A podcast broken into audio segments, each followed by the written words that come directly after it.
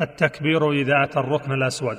يقول طاف النبي صلى الله عليه وسلم بالبيت على بعير كلما أتى الركن أشار إليه بشيء عنده وكبر.